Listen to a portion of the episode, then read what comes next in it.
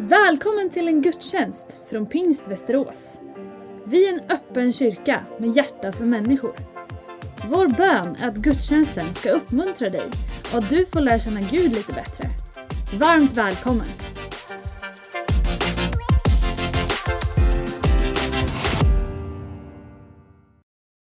Ja, vi läser som sagt texter från Markus evangeliet och temat är kraft och kyrka, gemenskapen och idag så kommer vi ägna oss åt en välkänd, välkänd bibeltext. I varje fall om man har vuxit upp i söndagsskolevärlden och hört berättelsen om bespisningsundret.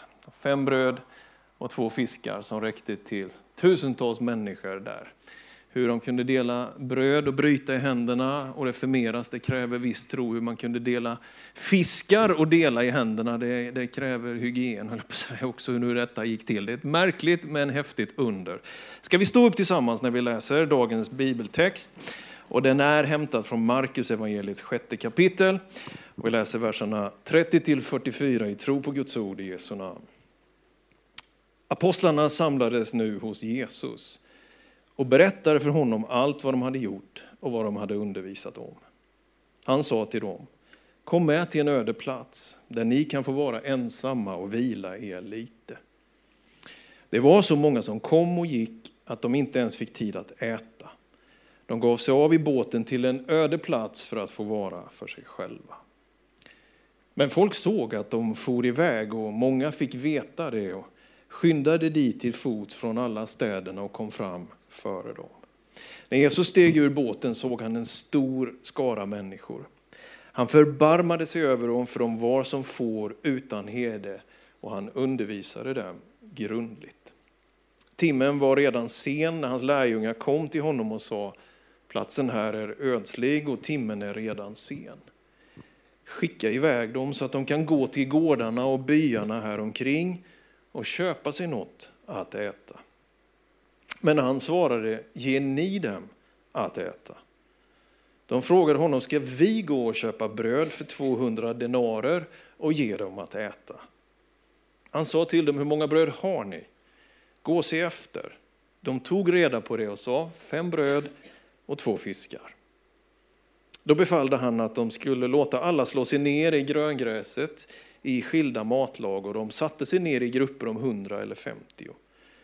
Och han tog de fem bröden och de två fiskarna, såg upp mot himlen, tackade Gud, bröt bröden och gav åt sina lärjungar för att de skulle sätta fram mot folket. Han delade också ut av de två fiskarna åt dem alla. Och alla åt och blev mätta. Och man plockade tolv korgar fulla med brödbitar och fisk. Det var 5000 män som hade ätit. Ska vi säga amen? Eller kanske till och med wow, en dag som denna. Varsågod och sitt ner.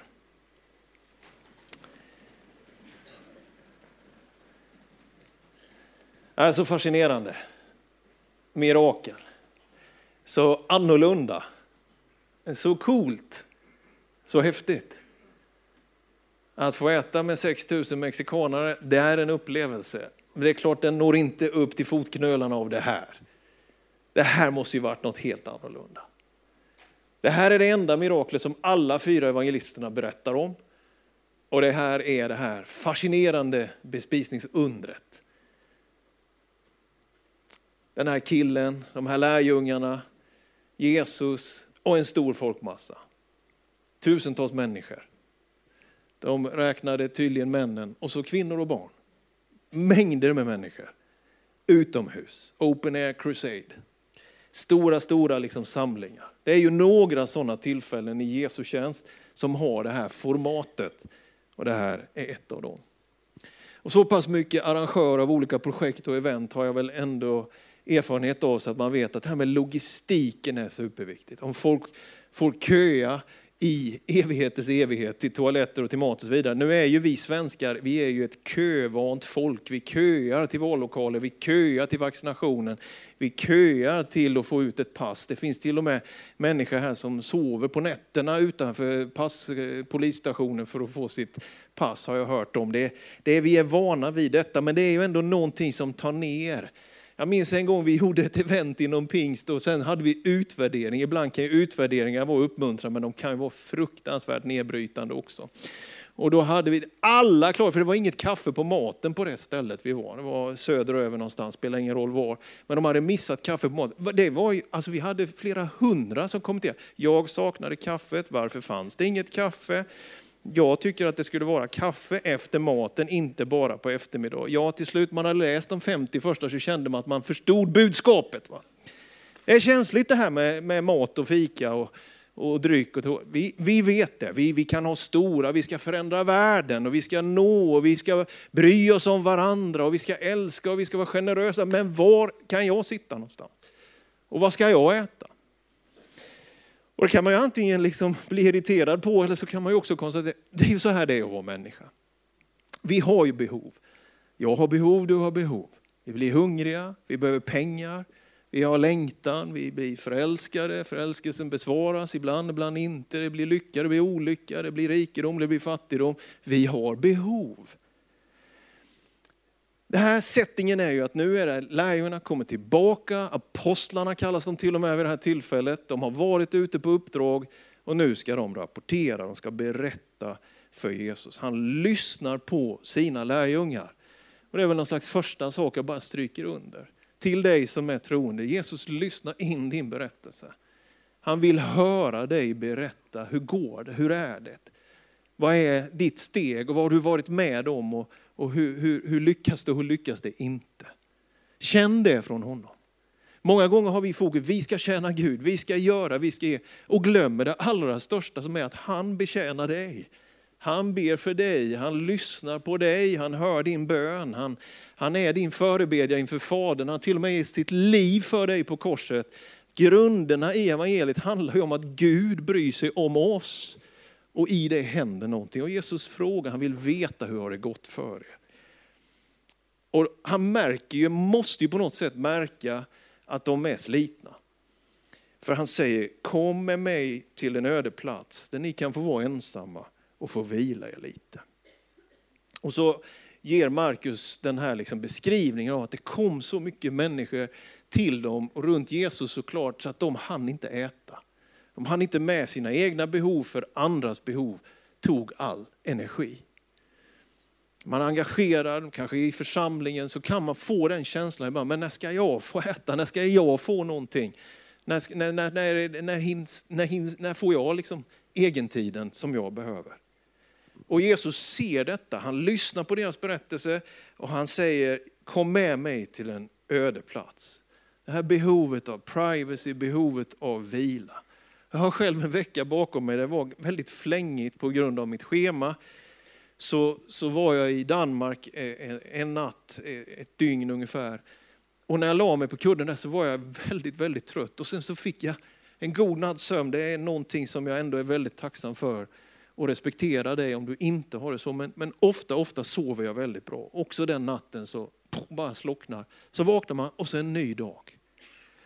Men när jag hade talat där på den kvällen i, på ett ställe utanför Köpenhamn till danska pastorer, så faktiskt undrar jag, vad har jag igen? Hoppas inte jag sa något dumt, för jag kunde knappt, jag var så trött att jag kunde inte eh, rekapitulera vad jag själv hade stått och sagt. Det är en ganska skrämmande känsla kan jag upplysa om. Men så får man den där platsen av vila, den där platsen av återhämtning. Och vi behöver alla det.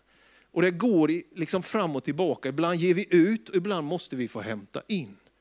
Men det är detta som också är det svåra med, vad ska man säga, kärlek, relationer, gemenskap. Att, att någon säger till dig, jag vill, jag vill bjuda dig, eller jag vill göra det här för dig. Och så också detta att vilja ge. När det här fungerar så är det ju paradisiskt, det är ju vackert. Va? Det är underbart att, att vi hjälper varandra. Vi vet ju alla innerst inne att man kan inte bara ge och man kan inte heller bara ta. Man kan inte bara liksom komma till kyrkan och få någonting, man måste bidra med någonting. Man kan inte gå och tänka, när blir jag bjuden? Man måste försöka tänka, när kan jag bjuda? Vi vet, det är ju basalt, det är ju enkelt, men det är ju inte så enkelt alltid att få det att funka. Och här är det ett sånt tryck över lärjungarna. Och de behöver sin privacy, de behöver få vara för sig själva. Vi behöver det som individer, som mindre grupp, vi behöver det som kyrka också.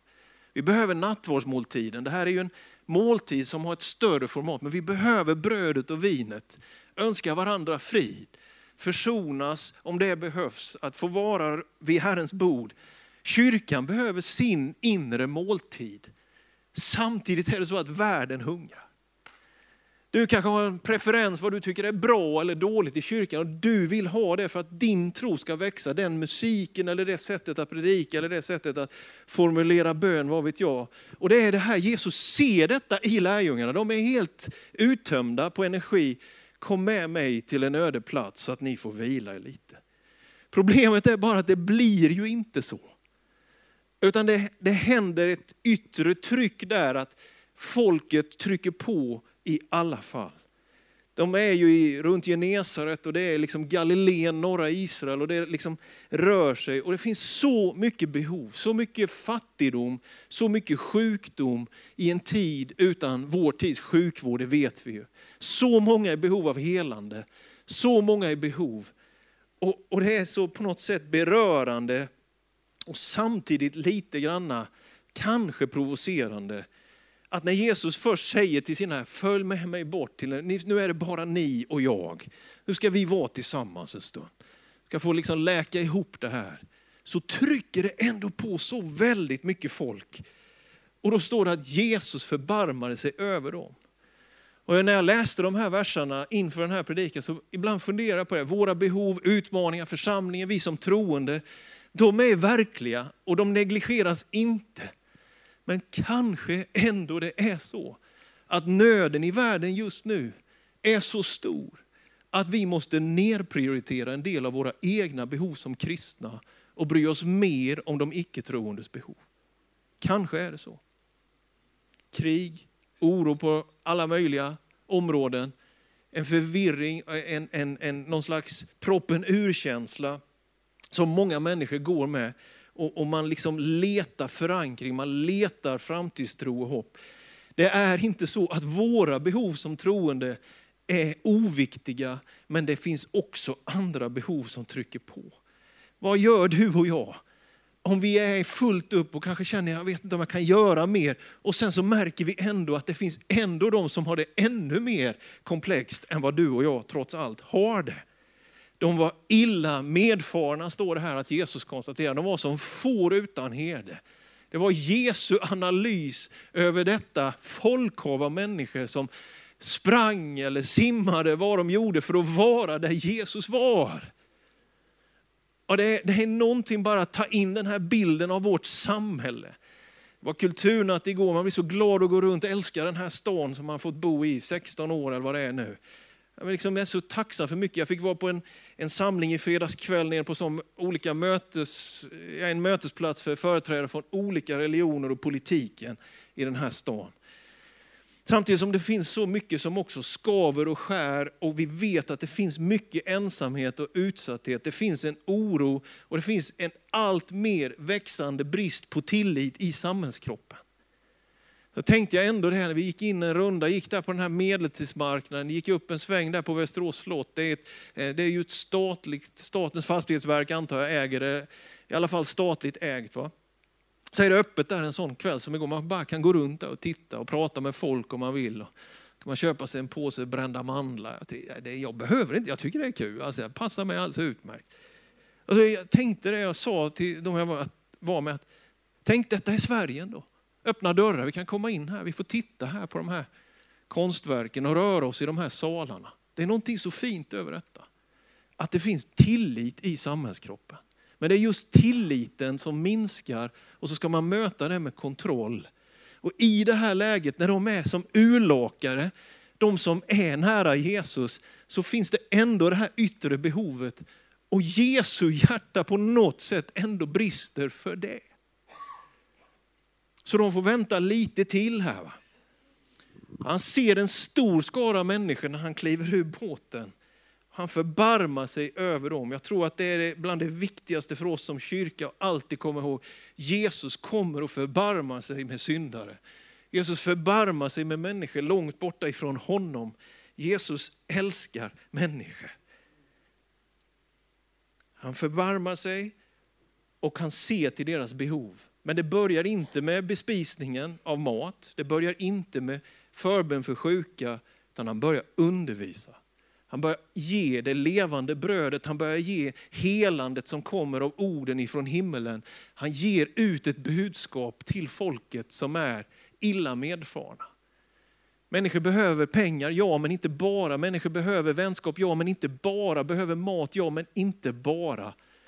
Det finns djupare andliga, existentiella behov. Att få fyllas av hans närvaro, att få höra orden av evighet i nuet, himlen på jorden, för att lyftas ur sin misär av egotankar, av ensamhet och få känna och höra i hjärtat. Du är sedd av Gud, du är älskad av honom. Jesus börjar undervisa lärjungar. Alltså det är på något sätt, nu, nu, nu kanske ni rådnar en del här när man börjar citera gamla låtar från ett band som heter Kiss. Här, va? Men de hade ju en bra låt som heter I was made for loving you.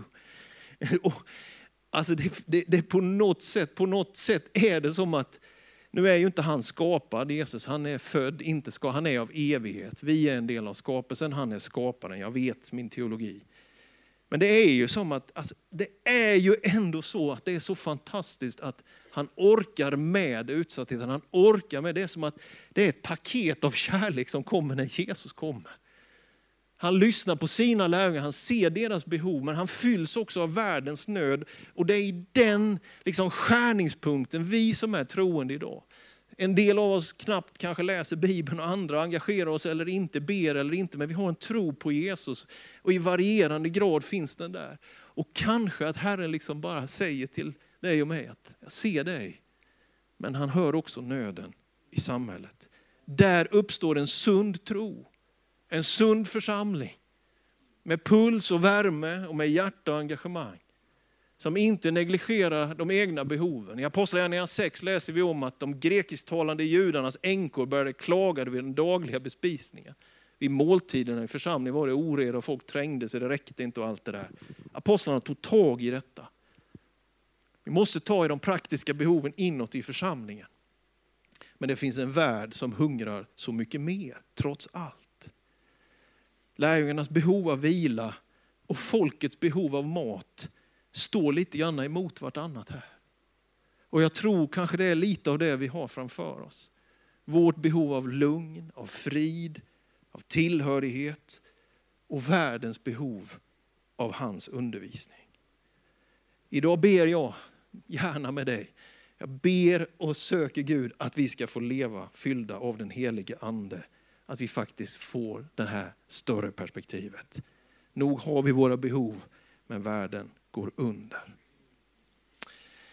Ja, lärjungarna de är ju sådär lagom pepp nu då på att deras retreat, deras superweekend, deras vacay, liksom den, den blev det inte mycket med.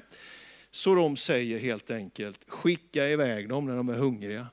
Skicka iväg dem Jesus, vad ska de här och göra? Det är så jobbigt med människor. Skicka iväg dem bara. Ja. Spelet mellan att ge och få, att ibland inte ha någon förväntan egentligen på utbyte, ibland bara faktiskt vilja ta, vilja ha. Det som väl kanske ofta saknas i de här dialogerna när vi känner egna behov och ser andras behov, är väl kanske ändå ömsesidigheten. På den här berömda kulturnatten igår så helt plötsligt så såg vi och satte två missbrukare där på en bänk och så kramar två män, kramar de om varandra lite. Jag tyckte det var vackert. Utsatthet, fylla och villa och allt det där. Men ändå någon form av ömsesidighet i sin situation. Det var fint att se. Skicka iväg dem, sa lärjungarna. Men Jesus sa, ge ni dem att äta. Och det här är rampen upp till det här miraklet. De är där tusentals, de har hört hans undervisning och de blir såklart hungriga. Det blir man ju. Och Jesus säger, ge ni dem att äta. Det här är kallelsen till kyrkan, det här är utmaningen till oss som redan tror. Det är att ge någonting vidare utav det som vi faktiskt på ett sätt redan har fått. Vad vill vi bli serverade i kyrkan och vad är världens behov? Ibland kanske det är samma behov, ibland kanske de skiljer åt. Men lärjungarna de kalkylerar, ska vi ge alla dessa att äta? Det kommer kosta 200 denarer Det är alltid svårt att bara transferera till vår tid, men någonstans runt idag, sju, åtta månadslöner och av vanligt snitt, vad ska man säga? Låt säga att det här kalaset, lärjungarna kalkylerar ganska snabbt att det här, det här går på 200 000, 250 000. Ska de dessutom ha baklava till efterrätt, va? då blir det 300 000 Jesus. Alltså de ser det här, det går ju inte det här. Tänk er ett hav, tiotusentals människor, kanske uppemot 20 000 totalt. Man kan ju ha lite förbarmande. Där står tolv utbrända och han säger, ge ni dem att äta. Vi har, vi, har varken, vi har inte tid Jesus, vi har ingen ork, vi har inga pengar. Hur ska det här gå till? Man kan ju förstå dem. Va? Ge ni dem att äta. Och då frågar han, vad har ni? Det är ju alltid det vackra. Paulus skriver i andra Korinthierbrevet, om någon har den goda viljan så bedöms han inte efter vad han inte har, utan efter vad den har. Och här frågar Jesus, vad har du? Frågan går igen liksom i utsatta situationer i gamla testamentet. Vad har du i krukan? Vad finns? Och det är så lite, men det är någonting. Och så hittar de den här killen, fem bröd och två fiskar. Och de får fram det. Alltså inte visste han väl när han gav sig iväg på morgonen, den här killen, att han skulle få vara med och skriva missionshistoria. Att han skulle få vara med, att det här lilla enkla, min matlåda, den ska jag mikra på lunchen. Eller den här färdigmatgrejen jag köpte på ICA här för en stund sedan. Det, det kommer att bli någonting som Gud ska använda. Det känns ju nästan barockt va? Tänk dig din egen med slitna konsumkasse. Liksom. Det är den Gud ska använda. Detta enkla lilla, det, för det är det du har eller det jag har. Nu kan det vara mer. Men det här var vad de hade, fem bröd och två fiskar. Och vi vet av andra evangelisters berättelse att det var ju den här killen. Det är vad vi har Jesus. This is it. Man kan ju nästan höra, hade de varit svenskar födda på 70-talet så kan man ju höra ironi och sarkasm i undertonen när de fick fram de här fem bröd och två fiskar. Ja, så ska vi dyka upp denna delikata trerättersmåltid någonstans Jesus, som nu alla här ska äta. Men så sker det här fysisk praktiska miraklet. Att Jesus han säger, han, tar liksom, han organiserar eventet, helt plötsligt går Jesus över och blir projektkoordinatorn. Det är han som leder servicegrupperna. Guds son, herrars herre, kungars kung, tar tag i fikaserveringen eller måltiden. Han riggar upp hur det här ska fixas. Och han säger till dem, sätt dem i grupper om 50 och 100 i gröngräset. Alltså det här är en det är vacker bild, jag hoppas du kan fantisera lite medan du lyssnar på det här. Tusentals människor, Galileens slänter upp emot Genesarets sjö. Och Herren själv säger, ni sitter där, ni sitter där, ni sitter där. Och där står de här tolv och så tar Jesus detta och lyfter det och han lyfter sin blick mot himmelen och välsignar detta bröd och dessa fiskar. Kan du bara se det framför dig? Att det tillgängliga lilla av vårt i hans hand välsignat inför Gud kan räcka till tusentals. En gudstjänst som den här kan påverka nationer. En enkel bön från dig ikväll kan påverka din familjegeneration. Det finns ett kon i att ge sitt liv och sin sak till honom som det tar iväg på ett sätt som ingen kan definiera eller begränsa eller reducera. Vi kan det i vårt tänkande. Men Jesus ordnar det fysiska och han ordnar välsignelsen och så börjar de bryta det här brödet. Alltså då helt plötsligt så var det kanske lite lättare för de här tolv. Tänk dig att gå där. Och ju mer du bryter det, ju mer du delar det, desto mer räcker det. Och återigen har jag så svårt att fatta hur man bröt fiskar eller delade fiskarna. Men någon av er kommer säkert förklara för mig här på kyrkkaffet hur detta går till på ett hygieniskt och andligt sätt kombinerat. Välkommen att göra det. Brödet fattar jag, firrarna fattar jag inte. Men det sker. Och de är trötta där och de är hungriga där. Och de har lite där. Och behoven är enorma. Man kan ju ge upp för mindre, men det är något annat när Jesus är i centrum. Där Jesus ger sin befallning. När Jesus säger sina ord och när han lyfter oss mot himmelen och vi får blicken över horisonten och det välsignas och det bryts. Det är så fantastiskt. Halleluja. Tack Jesus för men att du är den du är och gör dessa mirakler.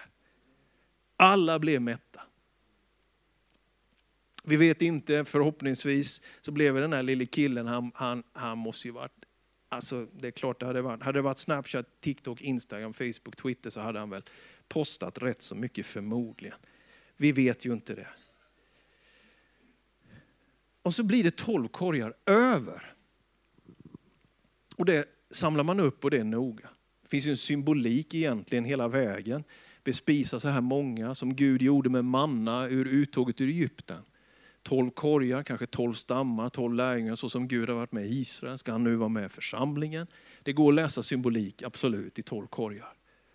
Men man kan ju också bara rent konkret tänka att ja, det här skulle de äta dagen efter. Liksom.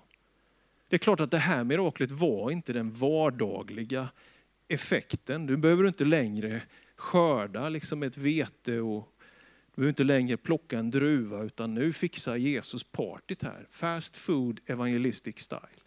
Nu behöver du aldrig mer laga mat. Det är inte det som blir slutsatsen. Utan miraklet lyfter vardagen. Miraklet lyfter detta att om jag kommer med någonting. För på samma sätt som en grabbs fem bröd och två fiskar räckte till tusentals, så finns det ju ett slags vardagligt mirakel i att bjuda, att ge. Och det kanske inte blir tolv korgar över, men nog är det vackert med den miljön där generositeten finns.